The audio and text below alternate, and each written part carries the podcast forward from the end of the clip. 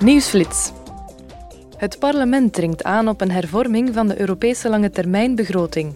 Gisteren nam de begrotingscommissie een resolutie aan over de verbetering van het meerjarig financieel kader voor 2021 tot 2027.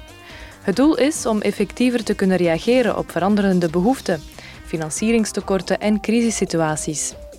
Volgens de parlementsleden is de huidige lange termijnbegroting namelijk niet voldoende om efficiënt te kunnen reageren op crisissituaties. Daarom zou de Europese Commissie het huidige kader moeten herzien. Maandag gaat er in Straatsburg een nieuwe vergaderperiode van start. De parlementsleden zullen onder andere debatteren en stemmen over de bescherming van kritieke infrastructuur. Ook zullen ze nieuwe regels bespreken om gendergelijkheid in de raden van bestuur van beursgenoteerde bedrijven te verzekeren en zullen ze waarschijnlijk Rusland aanmerken als sponsor van terrorisme.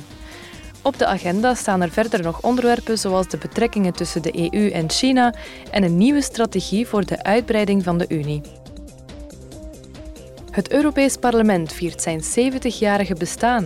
In 1952 vond in Straatsburg de allereerste zitting van de Europese Gemeenschap voor Kolen en Staal plaats.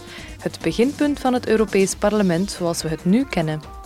Na verloop van tijd groeiden de zes Europese landen uit tot een unie van 27 lidstaten die zich inzetten voor democratie, grondrechten, economische stabiliteit en groei.